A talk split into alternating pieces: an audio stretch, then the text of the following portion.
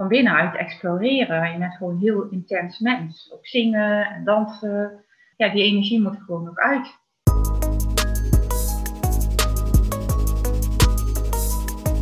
Wat fijn dat je luistert naar de podcast Hoogbegaafd en Liefdespijn, gemaakt door Suzette Lemmers. Ik neem jullie mee op mijn speurtocht naar antwoorden op hoe het is om als hoogbegaafde liefdespijn te ervaren. Als hoogbegaafde wil je vaak rationeel dingen oplossen. Kan dat ook met liefdespijn? Is de bedrading van het brein van de hoogbegaafde anders, waardoor je liefdespijn heftiger ervaart? Dus antwoorden op het gebied van hoogbegaafdheid en liefdespijn en de dingen die hiermee kunnen samenhangen, zoals hooggevoeligheid, trauma en narcisme. Iedere week inspirerende interviews, waardevolle inzichten over wat liefdespijn kan zijn en praktische tips hoe jij als hoogbegaafde met jouw liefdespijn om kunt gaan, zodat er weer liefde in jouw leven kan stromen. Welkom Els, welkom bij de podcast Hoogbegaafde Liefdespijn. Fijn dat je bij mij uh, aanwezig wilt zijn uh, voor dit interview. Eerste korte vraag, uh, ja, stel je even kort voor. Dat is natuurlijk wel een, een opgave volgens mij voor hoogbegaafden, maar ja, stel je even voor. Ja, ik ga me voorstellen. Dankjewel Suzette dat ik hier ook bij mag spreken. Mijn naam is Els Umans en ik, ik vind het heel mooi, heel mooi dat je hier aandacht aan besteedt. En ik heb hier ook al ruim ervaring in, inderdaad, met hoogbegaafdheid, hoogsensitiviteit. Ik noem eigenlijk hoogbegaafdheid liever anders, uh, zoals heel veel mensen tegenwoordig. En ik merk ook dat, dat mensen, dus toen ben ik, ik kwam hooggevoeligheid tegen. Dat vond eigenlijk een hele mooie eigenschap. Dat was het ook nog niet helemaal. En ik heb hoog, hooggevoeligheid en hoogbegaafdheid gekoppeld door het hoogbegaafd temperament, temperament te noemen. En ik heb in het verleden ook aan het einde van mijn studie uh, psychologie heb ik een onderzoek gedaan naar hoogbegaafdheid en extra ontwikkelingspotentieel. En daar had ik de link gelegd met Dabrowski. Want dat was de eye-opener. Hij was degene die eigenlijk alles met elkaar in verbinding bracht. En dat is wat, we, wat eigenlijk de wereld wat we allemaal zelf nodig hebben. Om tot een hoger bewustzijn te komen. En uit, echt vanuit kracht en verbinding en liefde te leven. Wat de mensheid zo hard nodig heeft. Want als je alleen maar de uh, cognitieve kant van hoogbegaafde mensen uh, ontwikkelt, dan krijg je natuurlijk uh, hartstikke onevenwichtigheid in de wereld. En, um, ja, en met alle ellende van dien. Dus het is belangrijk dat we weer in onze kracht, in de liefde en in verbinding met elkaar staan. Ja, ja. Dus je noemt jezelf eigenlijk niet hoogbegaafd, maar begaafd temperament? Of hoe wil je het dan? Ja, zeg, zeg het maar. Het maakt mij niet uit. Ik ben gewoon wie ik ben. En ja, anderen zeiden wel, ja, je bent hoogbegaafd, erken het nou maar in jezelf. Ja, nou ja, was ik een hoogvlieger op school?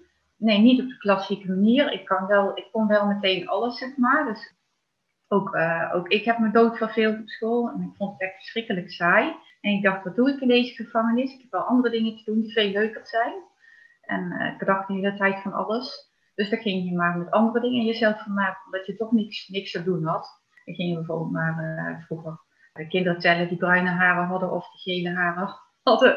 Of, of verbonden leggen of andere dingen bedenken die dan interessant waren, waar je je mee kon vermaken. Maar ik begreep echt niet waarom, waarom je in, in deze saaiheid mee moest. Ik weet nog wel dat ik ook uh, dacht van, oh, nou mag ik leren lezen, nou wordt het interessant. En daarvoor mijn moeder, ja, ik had echt geweldige ouders. En mijn moeder die vertelde altijd verhaaltjes. Maar ik wilde, dat was voordat ik naar school ging, wilde ik eigenlijk wel lezen. Hoe kan het nou zo zijn dat zij zo, zo ontzettend uh, veel vertelt, terwijl ik maar een paar van die tekentjes zie. Die tekentjes waren uh, lettertjes. Maar zij bedacht altijd hele leuke verhalen omheen. Ja. en toen zat ik eenmaal op school. En toen, ja, zij was lerares. Dus, en uh, toen zat ik eenmaal op school. En toen, toen kreeg ik een boekje voor mijn neus.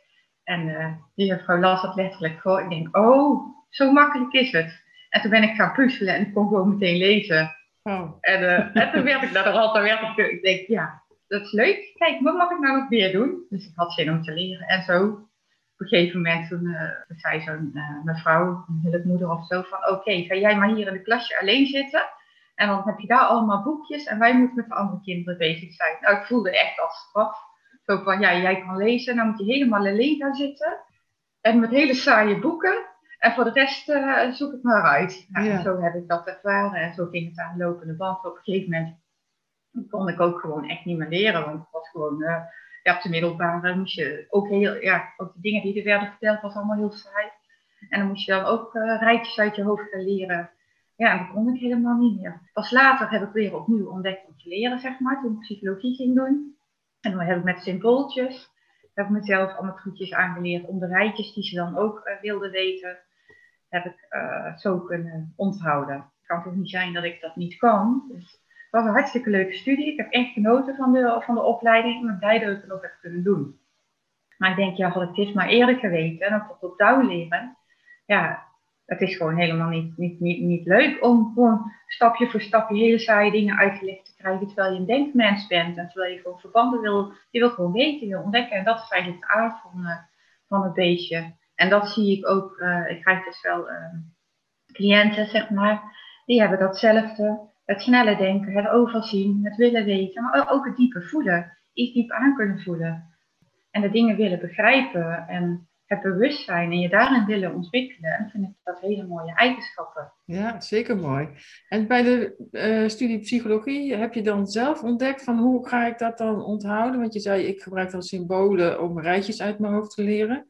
Werd dat je aangereikt? Of, of hoe nee, nee, ik ben het zelf allemaal gaan. Uh, ik heb heel veel gelezen toen over, op een gegeven moment ook over hoogbegaafdheid en zo. En ik denk, oh, tot down. Toen wist ik dat eigenlijk nog niet voor tot down, maar ik wist wel van, oh, leer door inzicht en begrijpen. En uh, dus symbooltjes, ja, daar heb ik, ik ben maar gaan tekenen, omdat ik een, een, een plaatjesmens ben. Ik ben visueel ruimtelijk, zeg maar. Ik denk dat daar ook de crux zit. Dat was ook een uh, aantal jaar geleden kwam ik met Lisk in, uh, in contact. Heel, veel jaar geleden. Die, die mensen die, waren, die liepen eigenlijk al voor. Landelijk Informatiecentrum Hoogsensitieve Kinderen. Die zeiden ook, deze kinderen, de hoogsensitieve kinderen, leren die zijn heel veel visueel ruimtelijk. Dus die leren niet door uh, saaie dingen, die, die leren anders, zijn visueel ruimtelijk denken. En denk ja, dat klopt ook wel voor mezelf. Dus uh, er zijn symbooltjes, dus daar ging ik dan mee experimenteren. Omdat ik natuurlijk ook heel erg creatief ben. En ook de behoefte heb om creatief te zijn, om dingen te maken. En de beelden die ik in mijn hoofd heb, om die dan mooi te schilderen bijvoorbeeld. En uh, van binnenuit exploreren. Je bent gewoon een heel intens mens. Ook zingen en dansen. Ja, die energie moet gewoon ook uit. Ja, wat mooi. Hoort er ook bij ook. Mijn moeder die kon, die kon prachtig zingen vroeger. En die gaf ons ook uh, les. Die gaf ons vroeger ook muziekles. Ja, mijn vader kon bijvoorbeeld ook prachtig tekenen. Dus, uh, ja, dus ik ben, ik ben, dankzij hun ben ik ook creatief gebleven. Ja, dat is heel belangrijk dat kind uh, kunnen blijven. En je had het dan over, omdat je uh, visueel ruimtelijk bent, hè, dat herken ik ook helemaal. Is het handig om op een andere manier te leren? Heb je, dan, uh, ja, heb je daar een cursus in gevolgd of een boek? Hoe, jij je gaf aan, ik heb er veel over gelezen. Is er iets ja, wat je zegt van nou... Nou, je weet het eigenlijk al van kleins af aan. Want ik wist toen ik zo heel klein was van oké, okay, ze hebben hier hele, ze hebben hier al die tekentjes. Moet dan gaan lezen. Als, maar dat kan ik niet, want gaan, het was een soort van inzicht wat je krijgt. En zo ben ik eigenlijk ik heb altijd die inzichten van binnenuit. Je moet eigenlijk zien dat, dat binnen dat innerlijke weten, dat is heel belangrijk, want dat heeft mij altijd gewoon vooruit geholpen met alles. Dat ik van binnenuit voel wat er aan de hand is en hé, hey, dit moet ik onthouden. Ik voel wat er nodig is. Dus ik wist van, oké, ik ga niet leren door saaie, door saaie herhaling, want dan val ik in slaap, vallen mijn hersens in slaap. Dus ik moet denken, ik moet puzzelen. Dus ik moet het begrijpen. En zo uh, zo heb ik het altijd eigenlijk uh, geweten. Zeg maar. Ik moet dingen gewoon begrijpen en niet door herhalen. Ik bedoel, uh, net als touwtjes springen of zo. Ik kom naar kinderen die dat dan meteen deden. Nee, ik moest het eerst begrijpen en dan kon ik het pas doen. Ja, klinkt bekend, ja. Ja. ja. ja. en hoe leg je dat dan weer uit binnen het schoolsysteem? Want die hebben zo'n andere manier van opbouw. En, ja. En soms zeg ik ook van hoe complexer het is, hoe makkelijker het voor mij te begrijpen is. Ja, dat, ja precies. Dat snappen anderen snappen dat dan niet. Nee. Dus, als je iets simpels al niet begrijpt, hoe kan je dan iets complex begrijpen? Ja, dat is lastig, hè? En die behoefte heb je ook. En dat is gewoon het eerder, je bent eigenlijk een soort van, je hebt een overview, dus je bent een soort van vogel die overal overheen vliegt en het dan wil zien. En pas dan kan het indalen en dan pas kun je kiezen. Dus eerst moet je zien, eerst moet je studeren van wat, wat is dat? En kun je dan begrijpen. En pas van die, van die visie uit kun je uh, keuzes maken. En niet door nadoen. Nee, ik wil eerst alles, alles zien. En dat, dat kun je ook. Dat, is het, uh, dat, dat, dat speelt eigenlijk. En ik denk, ja, toen heb ik dus latere leeftijd die studie gedaan. Naast alles, naast mijn werk, naast mijn gezin, alles. En uh, want ik vond het heel belangrijk, omdat ik gewoon zag ook uh, dat, dat deze kinderen eigenlijk niet herkend werden. En ik vond het ook heel belangrijk dat ze herkend werden.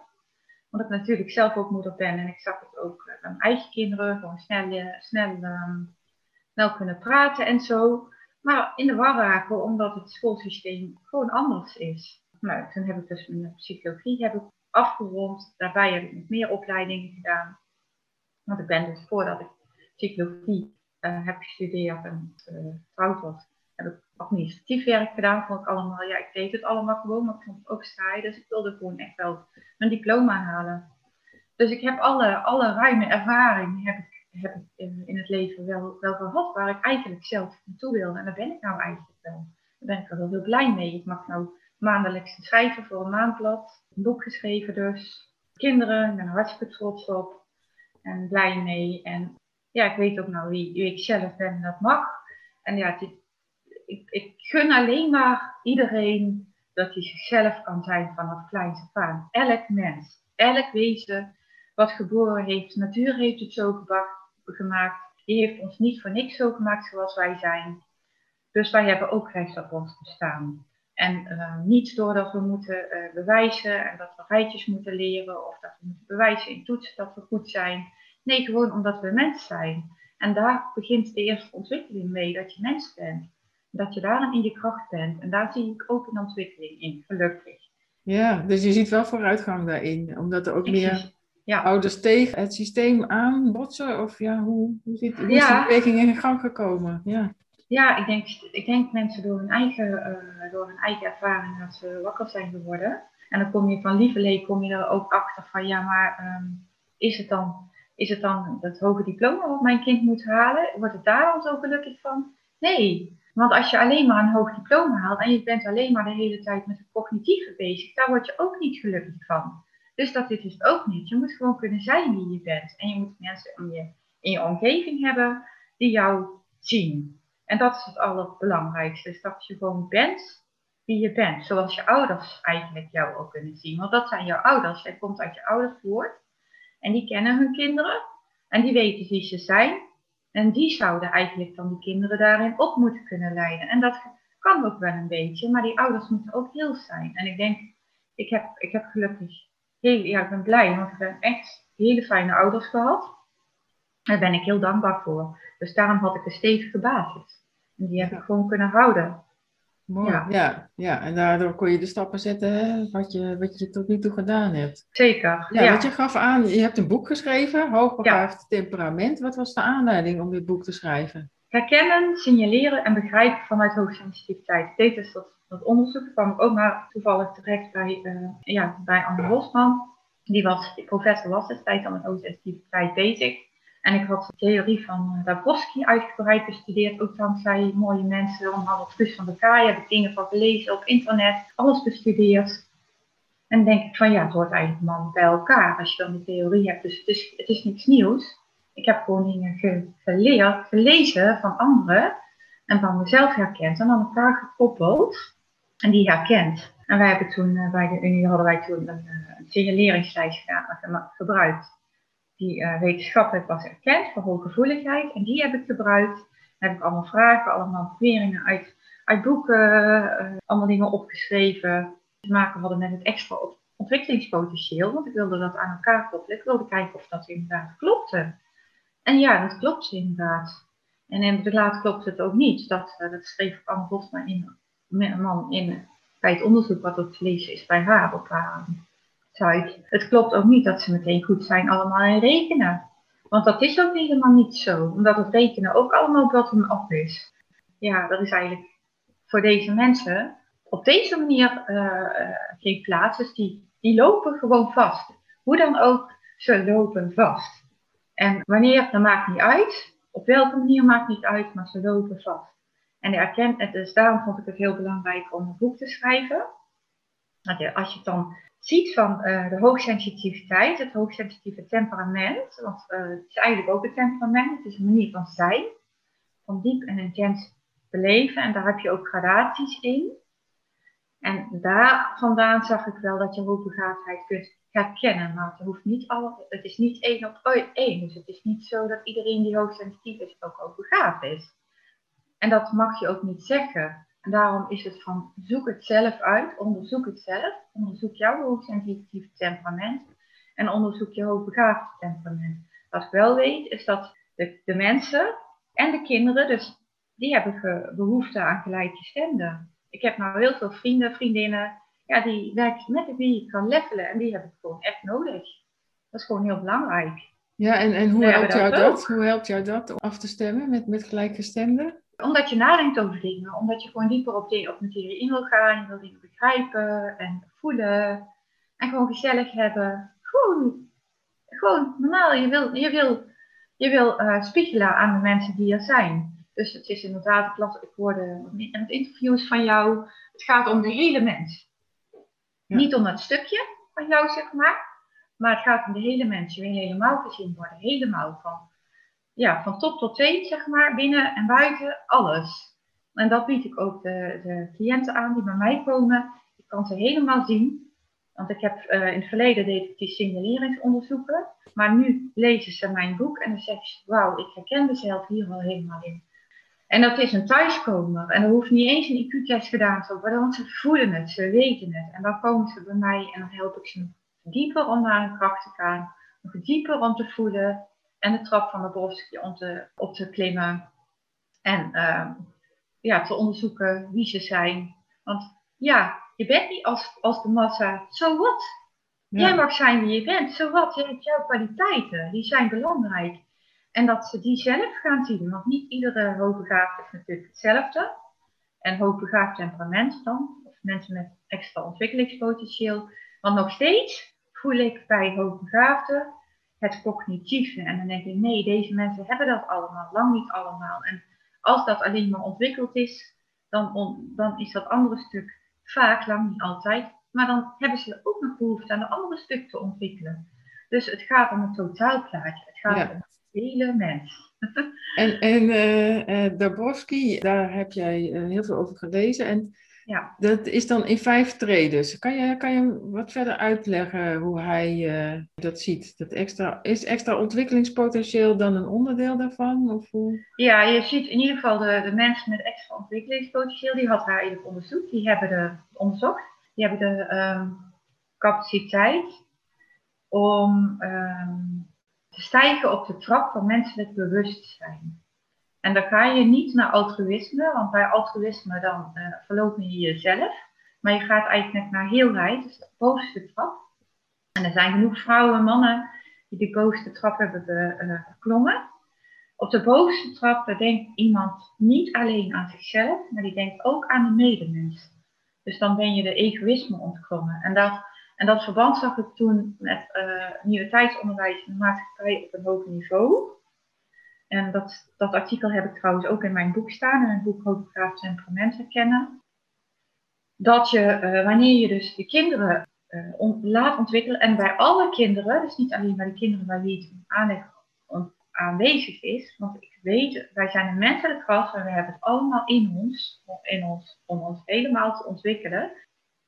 En daar kun je dan als mens met uh, hoogbegaafd temperament of extra ontwikkelingspotentieel in voorlopen dat je iemand aan de hand neemt en dat je jezelf als mens helemaal ontwikkelt. Kijk, want jij bent sowieso, dat mag, jij bent wie jij bent. Zorg ook dat de ander het goed heeft. dus wij we pakken geen egoïsme. We gaan niet een ander pijn doen omdat we het zelf beter willen hebben. Mensen, we moeten dit ontstijgen. Dit is gewoon wat we nodig hebben. Dat is gewoon het allerbelangrijkste, dat we gewoon er voor elkaar zijn. En als je zeg maar uh, ziet met angst bijvoorbeeld, dan is het onderste treden van uh, bewustzijn. Van uh, mensen dan iets doen zoals kleine kinderen eigenlijk, hè? omdat het niet mag, of iets niet doen omdat het niet mag. Of iets stiekem doen, dat zijn de eerste twee dus. En wanneer je eenmaal tot bewustzijn bent gekomen, dan ga je naar ladder 3. En dan zie je al van, goh, ja, ik ik doe het op mijn manier. Ik heb, eh, hè, en dan heb je ook een empathisch vermogen. En, maar je hebt wel innerlijke conflicten. Ehm, er zijn altijd innerlijke conflicten. Van, ja, er waren de eerste twee, de twee groepen van hoor ik bij de groep. Ik ben eigenlijk, ja, maar eigenlijk, eigenlijk kan ik niet bij je groep horen. En dat stijgt, daar stijg je eigenlijk bovenuit. Dat je steeds meer um, wordt wie je zelf bent. Ja, dus echt dat je meer uitgaat van wat jij al aangaf volgens mij. Ik, ik noem het intuïtie, maar ik weet niet of jij dat woord daar ook aan geeft. Je voelt het in je lijf. Ja, Wat, wat er eigenlijk nodig is en, en, en het komt niet meer van buiten. Ja, precies. Maar dat is niet alleen uh, intuïtie. Ik denk dat is gewoon, dat gaat gewoon veel dieper. Dat is gewoon een verbinding met, met iets wat gewoon liefde is, innerlijk weten. En dat gaat veel dieper dan dat. Intuïtie is, is slechts vluchtig, maar dit is gewoon een, dit is dieper. En, en als, um, maar de trap van ons menselijke ontwikkeling, zeg maar, die kunnen deze mensen, zeg maar, als ze willen, kunnen ze hier, hier aan werken om deze te beklimmen. En dat vraagt wel inzet, vraagt doorzettingsvermogen, vraagt ook kracht. Het is niet altijd de makkelijkste weg.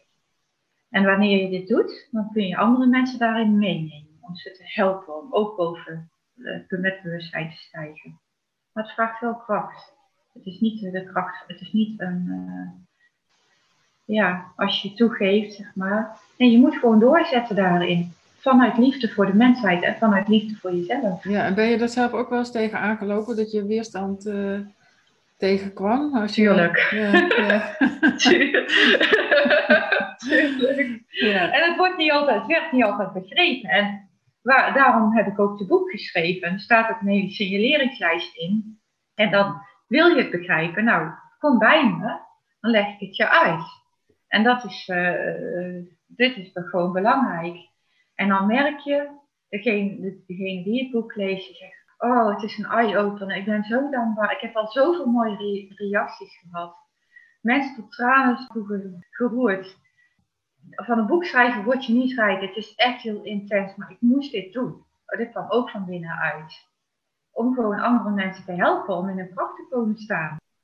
En als ze bij mij komen dan zeg maar in mijn praktijk, ik geef ook afstand dus, coaching. Maar ik, ik heb dus ook opleidingen erbij gedaan, bij uh, Medisch onder andere, uh, celzouten. Uh, we hebben me verdiept in de werking van magnesium, onze voeding, Weet je, we zijn zo, uh, zo belangrijk dat we ook ons lichaam in balans hebben. Magnesium bijvoorbeeld is iets wat in de bodem heel weinig zit tegenwoordig.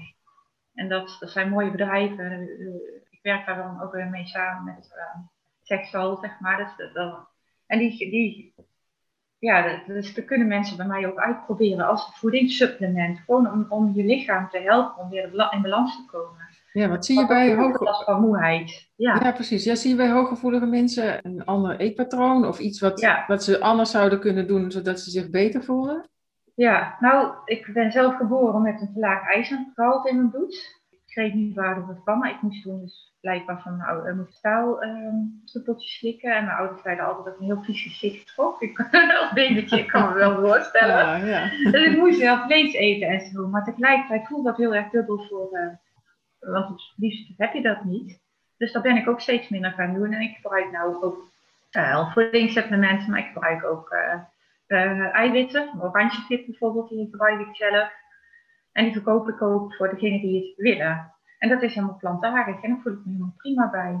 Ja, en, zie je dan ook meer mensen die vegetariër worden? Ja, ik ben zelf vegetariër ook. Dus... Ja, ja. Dat zie je wel meer bij hooggevoelige, hoogbegaafde... Ja, zeker. Ja. ja. Omdat je gewoon, je voelt je gewoon verbonden met het leven, met de dieren. En ik hou gewoon van dieren. En ik denk, ja, dan wil je gewoon, ja, dus het voelt gewoon, uh, ik, ik hou gewoon van dieren, punt. Ja. Die wil je eigenlijk die niet opeten. Nee. dat, ja. Nee, de manier dus, waarop ze behandeld worden. En, dat al helemaal. En als het dan gebeurt, behandelt ze dan goed, weet je wel, dat. Ja. Dus dat zie je ook wel weer terug, inderdaad. Dus hè, ook Zeker, ja. Over ja. Uh, voeding uh, is goed om over na te denken en over je eigen gevoelsleven en wat je innerlijk ja. weten aangeeft. Zijn er nog meer aspecten dat je zegt van ja, ik zie dat gewoon dat het te weinig belicht wordt. En dat is ook wel belangrijk om een, goed vol leven te hebben. Ja, nou, dus vanaf het begin af aan heel zijn.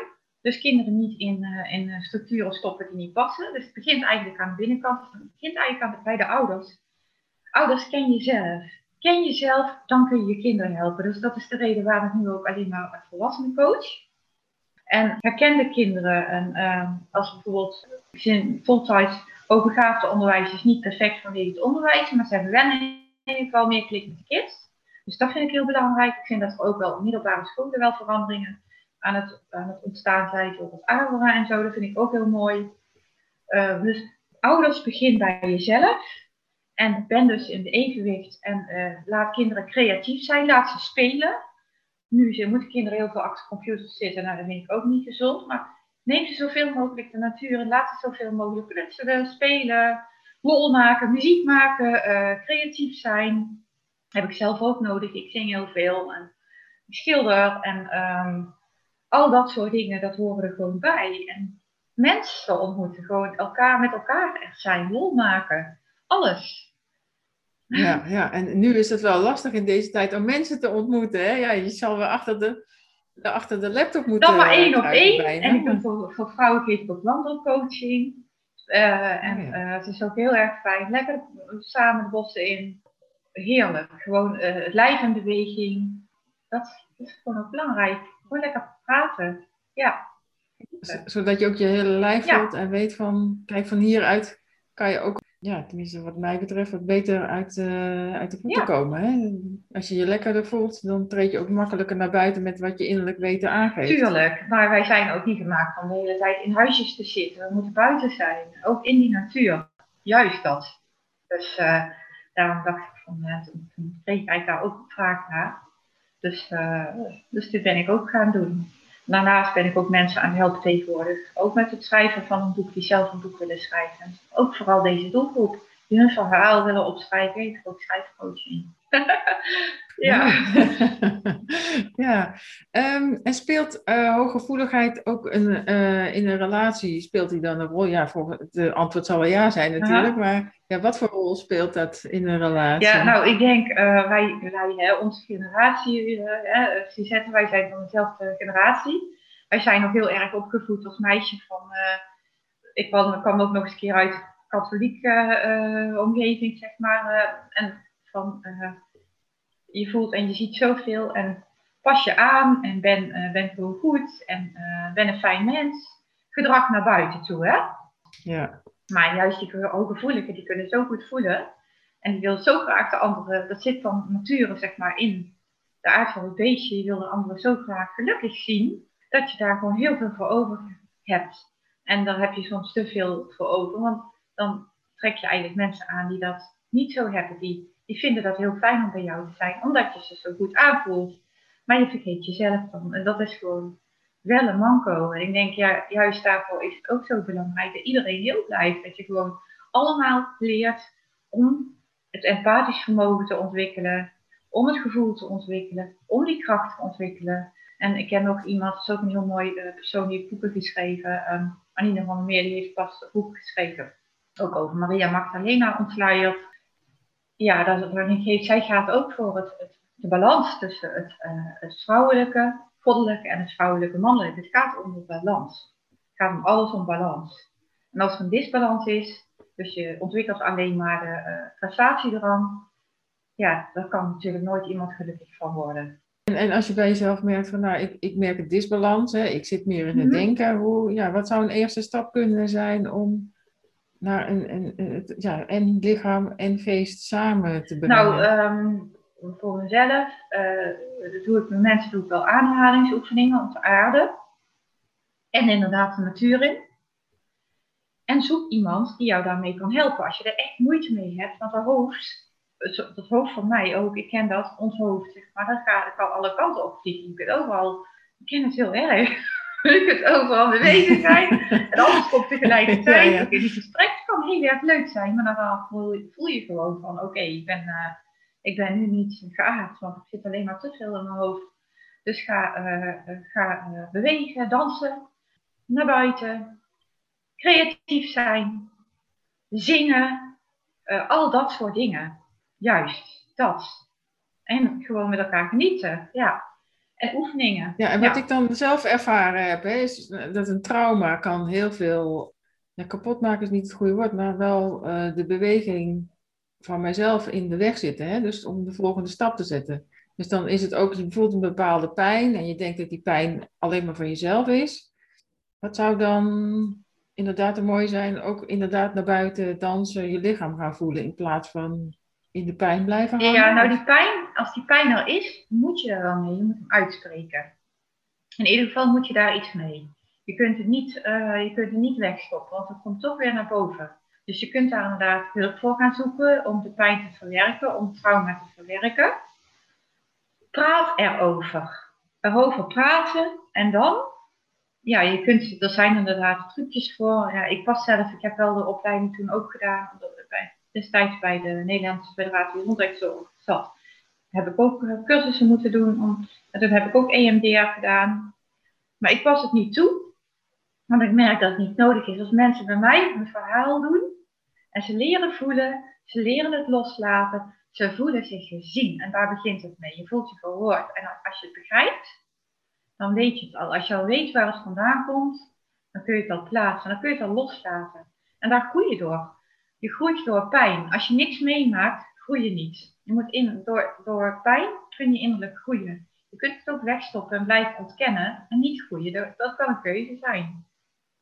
Ja, en dan zit je meer in de onderste twee lagen van Dabrowski, zeg maar. Dan, dan blijf je daar meer in hangen? Of hoe, uh, ja, maar ik denk heel veel hooggevoeligen, die, heel veel hooggevoeligen, die schijnen al op, uh, uh, al vanzelf al heel snel op het derde niveau te zitten. Ja, dat, dat, dat is gewoon niet anders. Het derde niveau is het niveau waarbij je dus ziet van, oké, ik ben niet als de rest, en af en toe heb je dus nog innerlijke conflicten en er wordt ook die pijn bij, want het is ook pijn om te merken van oké, ik ben anders soms. Vooral in het begin als je dat wel merkt, van oké. En meestal ga je dan wel ontwikkelen en dan ga je hulp zoeken of je gaat, met, je gaat gelijkgestemden zoeken, je gaat cursussen volgen. Ik heb ook heel veel cursussen gevolgd, zeg maar, om uh, te ontwikkelen. Dus naast psychologie heb ik uh, van alles gedaan, ook uh, medische basiskennis, en ontwikkeling, voelen, want dat is gewoon heel belangrijk dat je je gaat ontwikkelen en dat je de dingen kunt plaatsen en dat je gelijk de stemmen ontmoet. Waar je het gewoon daarmee kunt verwerken. En dat je dan uiteindelijk voelt van oké, dit is goed voor mij. Dat is het. En het is hard werken. Het is niet zo van dat je daarin op je lauweren kunt rusten. Denk van, eh, of dat je de. Je mag ook niet meer denken dat je de liefde uit een ander kan halen. Dat is het gewoon niet. Je moet het uit jezelf halen en van daaruit kun je een liefde hebben. En liefde kan ook vriendschap zijn, zeg maar. Dus ook voor dieren. En uh, het is heel erg leuk, films van Disney en zo. Ik heb ook altijd wel uh, vroeger liefdesverhaaltjes, romantische films. Dat je het in de, natuurlijk, uh, erbij voelt. maar dat is niet de realiteit. Ja. nee. Die moet je ontwikkelen ja, als mens. Ja. Daar gaat het uiteindelijk om. Ja. En stel, stel je merkt dan inderdaad zo'n disbalans, um, dan is het zaak, uh, ja, je voelt aan waar de pijn van de ander zit. En dan is het toch zaak om bij jezelf te blijven. Ja, hoe, hoe kan je dat aanpakken? Um, probeer even, uh, je bedoelt in een relatie of je bedoelt in een therapeutische... Ja, bijvoorbeeld in een relatie waar je merkt van ja, ik, ik merk de pijn van ja. de ander en ik, ik zie welk gedrag hij anders zou kunnen ja. doen. Oké, ja. En, en, je gaf aan van ja, eigenlijk heb ik daar zoveel voor over om die ander zijn pijn weg te nemen. Maar ja, ondertussen vergeet ik dan mezelf. Ja, dat was in het dus- verleden zo. Maar ik heb nu, ik heb geleerd om daarin eh, andere keuzes te maken. En als je ziet, je moet aan jezelf werken. En de ander moet ook aan zichzelf werken.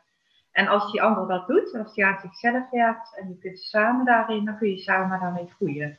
En dan kun je bijvoorbeeld um, daarin elkaar helpen om om sterker te worden. Maar het is niet zo uh, uh, dat jij de ander kunt helpen. Dat, is, dat moet je vergeten. Je moet eerst jezelf helpen. Je moet zelf eerst in je kracht staan. Dus als hoogsensitief mens moet je weten van oké, okay, ik voel alles aan. En dit heb ik nodig. Leer je grenzen aangeven. Grenzen. En dat kan voor iedereen op een andere manier.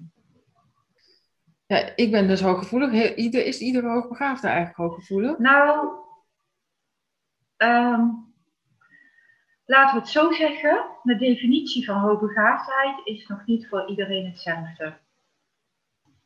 Als je naar eh, John Webb kijkt, die heeft een prachtige man, die is overleden. Die heeft onderzoek gedaan naar hoogbegaafden. Een misdiagnoses. Als je kijkt naar Dabrowski en je leest daar de materie over wat hoogbegaafdheid is, zeg ik ja, als je kijkt naar scholen en die zeggen van wat hoogbegaafdheid is, dan zeg ik nee.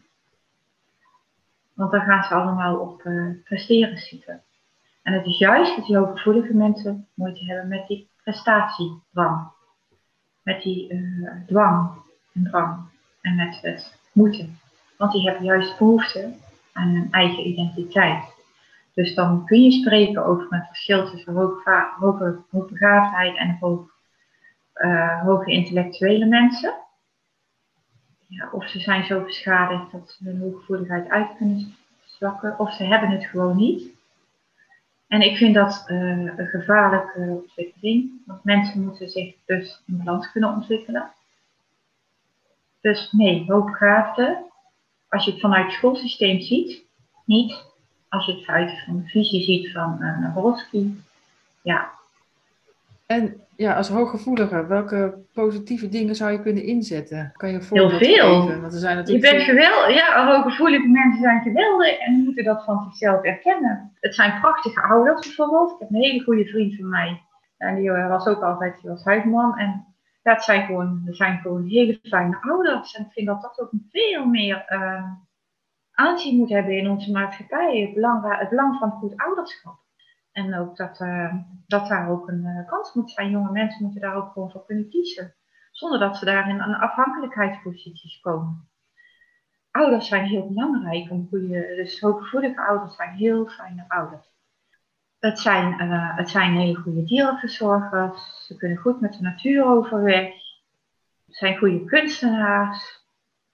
En ze zijn in staat om om die band met het indruk te houden. Dus ze kunnen ook die, die band met de spirituele, spirituele wereld, zeg maar, die zo belangrijk is, want we zijn dus meer dan alleen maar lichaam. Om die, uh, die te houden en daar ook andere mensen mee te helpen. zijn goede therapeuten, coaches. Je ziet ze heel veel in deze branches. Ook omdat ze aanvoelen van hoe de ander in welke situatie zit en wat hij of zij nodig heeft om een stap te zetten. Want uiteindelijk zal de cliënt zelf de stap moeten zetten, maar je kan ze wel in begeleiden en, en zien welke processen zitten, wel, ja, wat ze op dat moment nodig hebben. Bedoel je dat? Ja, klopt. Ze kunnen dat anders zien en dat is dus eigenlijk wat ze, maar wat ze ook nodig hebben, denk ik, hooggevoelige mensen dus. Deze, vooral de gradatie hooggevoelig onder de hoogbegaafden, die gradatie erger hooggevoelig zijn, die hebben de rust voor zichzelf nodig. En dat moeten ze erkennen. Dus die kunnen misschien helemaal niet in een situatie zitten waarin ze 24-7 met een partner samen moeten leven, wel met hun kinderen. Ik denk dat dat een hele. Ik denk dat, er, dat daar ook dingen in mogen veranderen. Ik denk dat dat, dat, dat hoe, hoe wij leven, zeg maar, dat dat, zodat die rust, zodat die hoogsensitieve persoon ook de rust voor zichzelf kan vinden. Dat hij zichzelf kan voelen, dat is gewoon heel belangrijk. Vanuit dat punt, dan kan hij weer geven. En dat is heel mooi, dan heb je de balans. Want je kan heel veel geven, maar je moet niet leeglopen. Ja, dus inderdaad ook weer je eigen grenzen, ja, weten waar je eigen grenzen liggen. Hè? Dat, eh, dat, in iedere situatie is dat wel belangrijk. Ken jezelf, ja.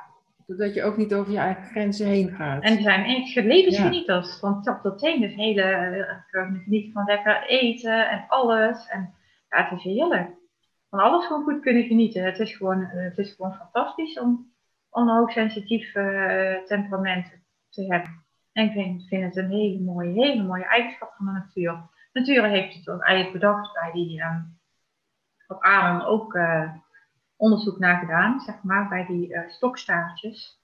Dat ja, je hebt de, grote groep en je hebt ook de stokstaartjes die, die het eerste voelen of de gevaar dreigt. En die, die roepen dan, ja, die waarschuwen dan de rest van de groep. Dat is ook de taak bijvoorbeeld kunnen ze. Ze, ze, ze voelen de dingen aan. En uh, eh, vertalen naar mensen. Je hebt een belangrijke taak. Dus als eerste voel je uh, als groep hooggevoeligen, voel je als eerste waar de knelputten zitten of waar het wringt en waar het anders zou moeten eigenlijk om een beter Ja, bestaan te zeker, hebben. Zo- zeker. Ik het zo Ja, vertalen? dat zijn ook Ja? de, de adviseurs eigenlijk. En de, dat schreef Aaron ook. Dat, dat is een belangrijke, belangrijke eigenschap. Zo'n soort ja, de pioniers om de Ja, maatschappij eh, naar een mooiere plek klopt. te krijgen. Ja, Ja. Ja, Oh, mooi hè? Ja.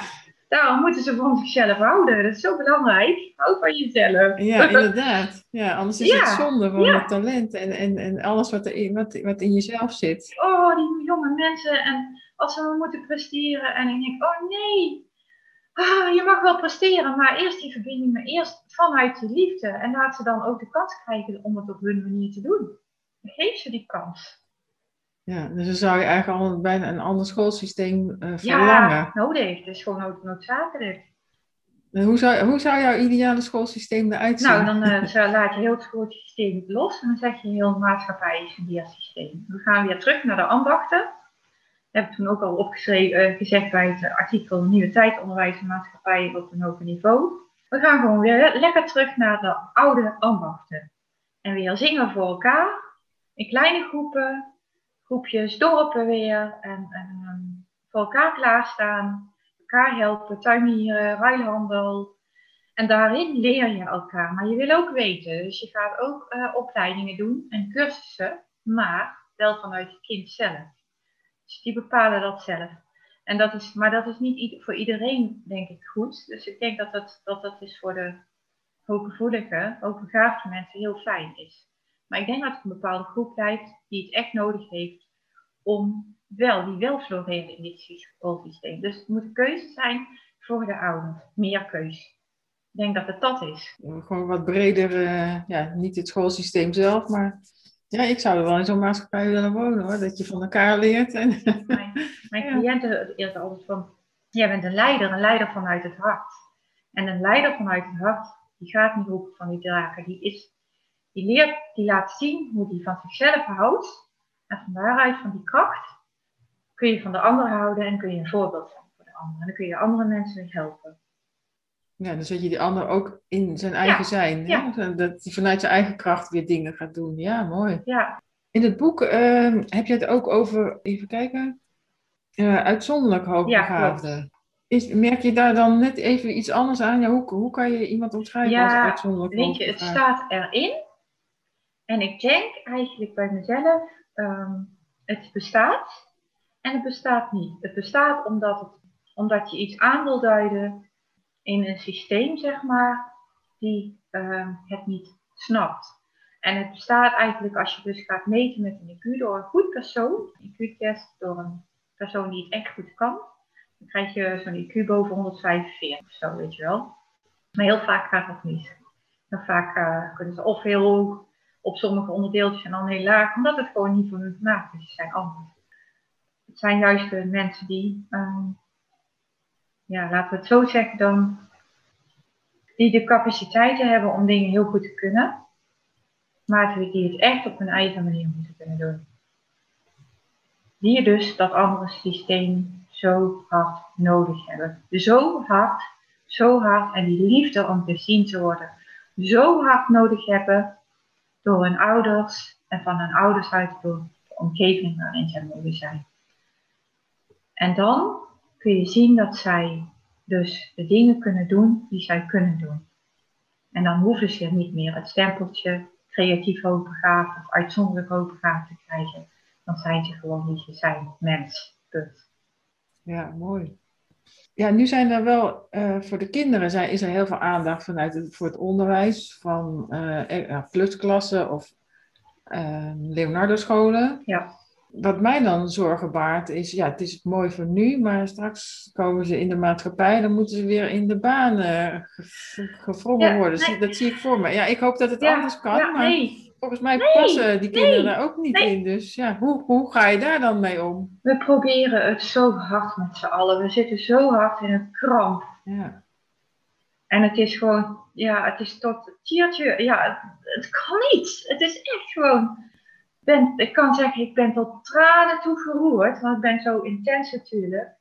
Nee, het mag niet en het kan niet. Zij hebben andere dingen.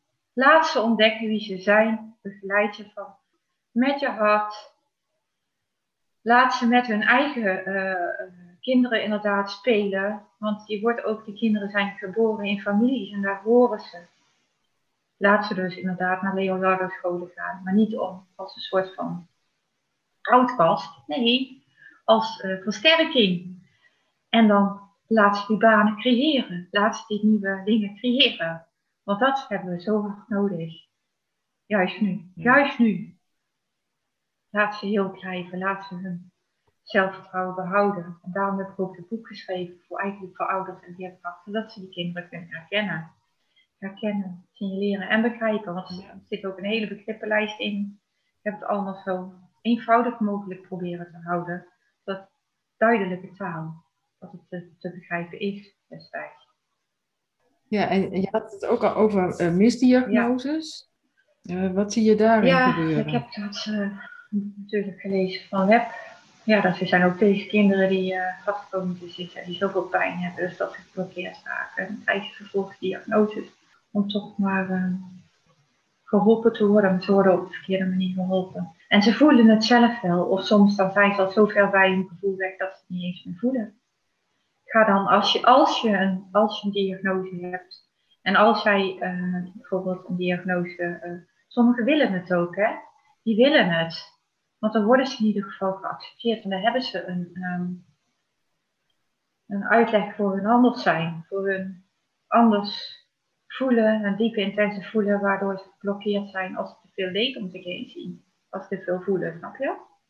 Ja. Dus, maar als je, uh, als je zeg maar denk dat dat bij jou aan de hand is, laat je dan door een psycholoog uh, onderzoeken die kennis heeft van uh, diagnoses en die kennis heeft van uh, hoogbegaafdheid, als je daarover bij jezelf twijfelt. Dat is het enige wat je kunt doen. Laat je nog een keer onderzoeken. Dat is het enige wat je kunt doen als je het wilt. Het is een keuze. Het is allemaal een keuze. Wat mij dan opvalt is dat ja, verslaafd zijn aan middelen of dat dat ook een bepaalde uitingsvorm is om uh, een laag te bedekken, mm -hmm. hè? Om, om niet verder uh, de pijn te kunnen voelen. Mm -hmm. Hoe zie jij dat? Ja. Heb jij daar ervaring nee. mee? Nee, ik ben nooit verslaafd geweest. Ja, ik bedoel meer mensen die in de Ja, praktijk... ik heb inderdaad verslaafd. Ik heb inderdaad daar wel ervaring mee. En dat is erg. Ik vind het heel erg. En ik, um, ik kan alleen maar zeggen, voor die mensen is het gewoon heel moeilijk om, om ja, die ja, dat is ook weer een keuze. Het is een keuze. Het is ook niet makkelijk. Dat snap, ik snap het ook wel. Maar het is allemaal een keuze. En je kunt, als je wil, dan kan je ervan, dan denk ik dat je ervan afkomen. Maar dan moet, het begint echt bij jezelf. Alles begint daarin. En het helpt als je zeg maar, uh, ik heb dus uh, bloesemopleiding, bloesemtherapeutenopleiding gedaan in Borst bij Bloesem van Medisch Nederland vond ik ook heel mooi, want toen leerde ik ook weer om te voelen. Want ik deed mijn psychologie natuurlijk uh, uh, met je hoofd. En ook al vond ik Jung heel erg interessant. Jung is echt wel geweldig. Hij was de voorloper van Aaron met hoogsensitiviteit. Maar toen ik de opleiding deed door, bij bloesemtherapie, vond ik gewoon echt heel erg leuk. Ik leerde daar over bloemen en planten en de lichte energieën, de trillingen. We gingen naar buiten om, om die bloemen te voelen met de ja, met, met een blinddoek om de hoofd. En dan kon je kijken wat voor bloem het was. En ik kon het voelen. Ik vond het geweldig dat ik deze ervaring had. Ik denk, wauw, als je dit kunt, nou, dat is toch geweldig. En die, die, uh, die bloesemladies, die kunnen wel helpen. Maar het is allemaal hulp. Het begint altijd van binnenuit. Het begint echt van binnenuit. Ja, mensen die in dubio zitten, vooral in deze tijd, omdat ze weinig contact hebben, heb je nog uh, iets moois Ja, natuurlijk, ja. Sowieso um, mogen ze mij uh, een gratis kennismakingsgesprek hebben, gratis sessie. En dan uh, mijn boek lezen is al, is al de eerste weg op de weg naar zelfkennis. En er is een nieuw, een nieuw boek in ontwikkeling en dat is ook, daar wil ik ook mensen gaan interviewen. Maar mijn tip is mijn boek lezen. Dus dat is echt heel belangrijk. Dat kun je op mijn website vinden elisabethumans.com of krachtvanhethart.nl. Ik heb twee websites omdat ik, uh, er zit een klein nuanceverschil. Bij de website uh, elisabethumans.com daar ligt de nadruk ook meer op de, op de hulpverlening, zeg maar. Ook geestelijk en lichamelijk, ook met de celzouten en de uh, voedingssupplementen die ik erbij heb. En uh, de andere website die begint zich meer te ontwikkelen nadat ik ook mijn uh, schilderijen daarop zet. Ik schilder ook, ook mensen. onlangs heb ik, heb ik een schilderij van mezelf gemaakt met een, een duif, witte duif daarboven. Omdat ik het voelde, dat is de connectie met met het innerlijk. Dus dat, dat kan ik ook voor anderen doen. Dus ook op aanvraag. Dus alles blijft bij mij steeds in ontwikkeling. Het is een dynamisch proces. Het is nooit één ding. Ja.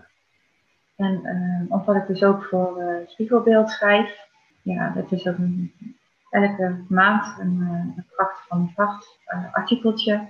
Dus ook een versterking.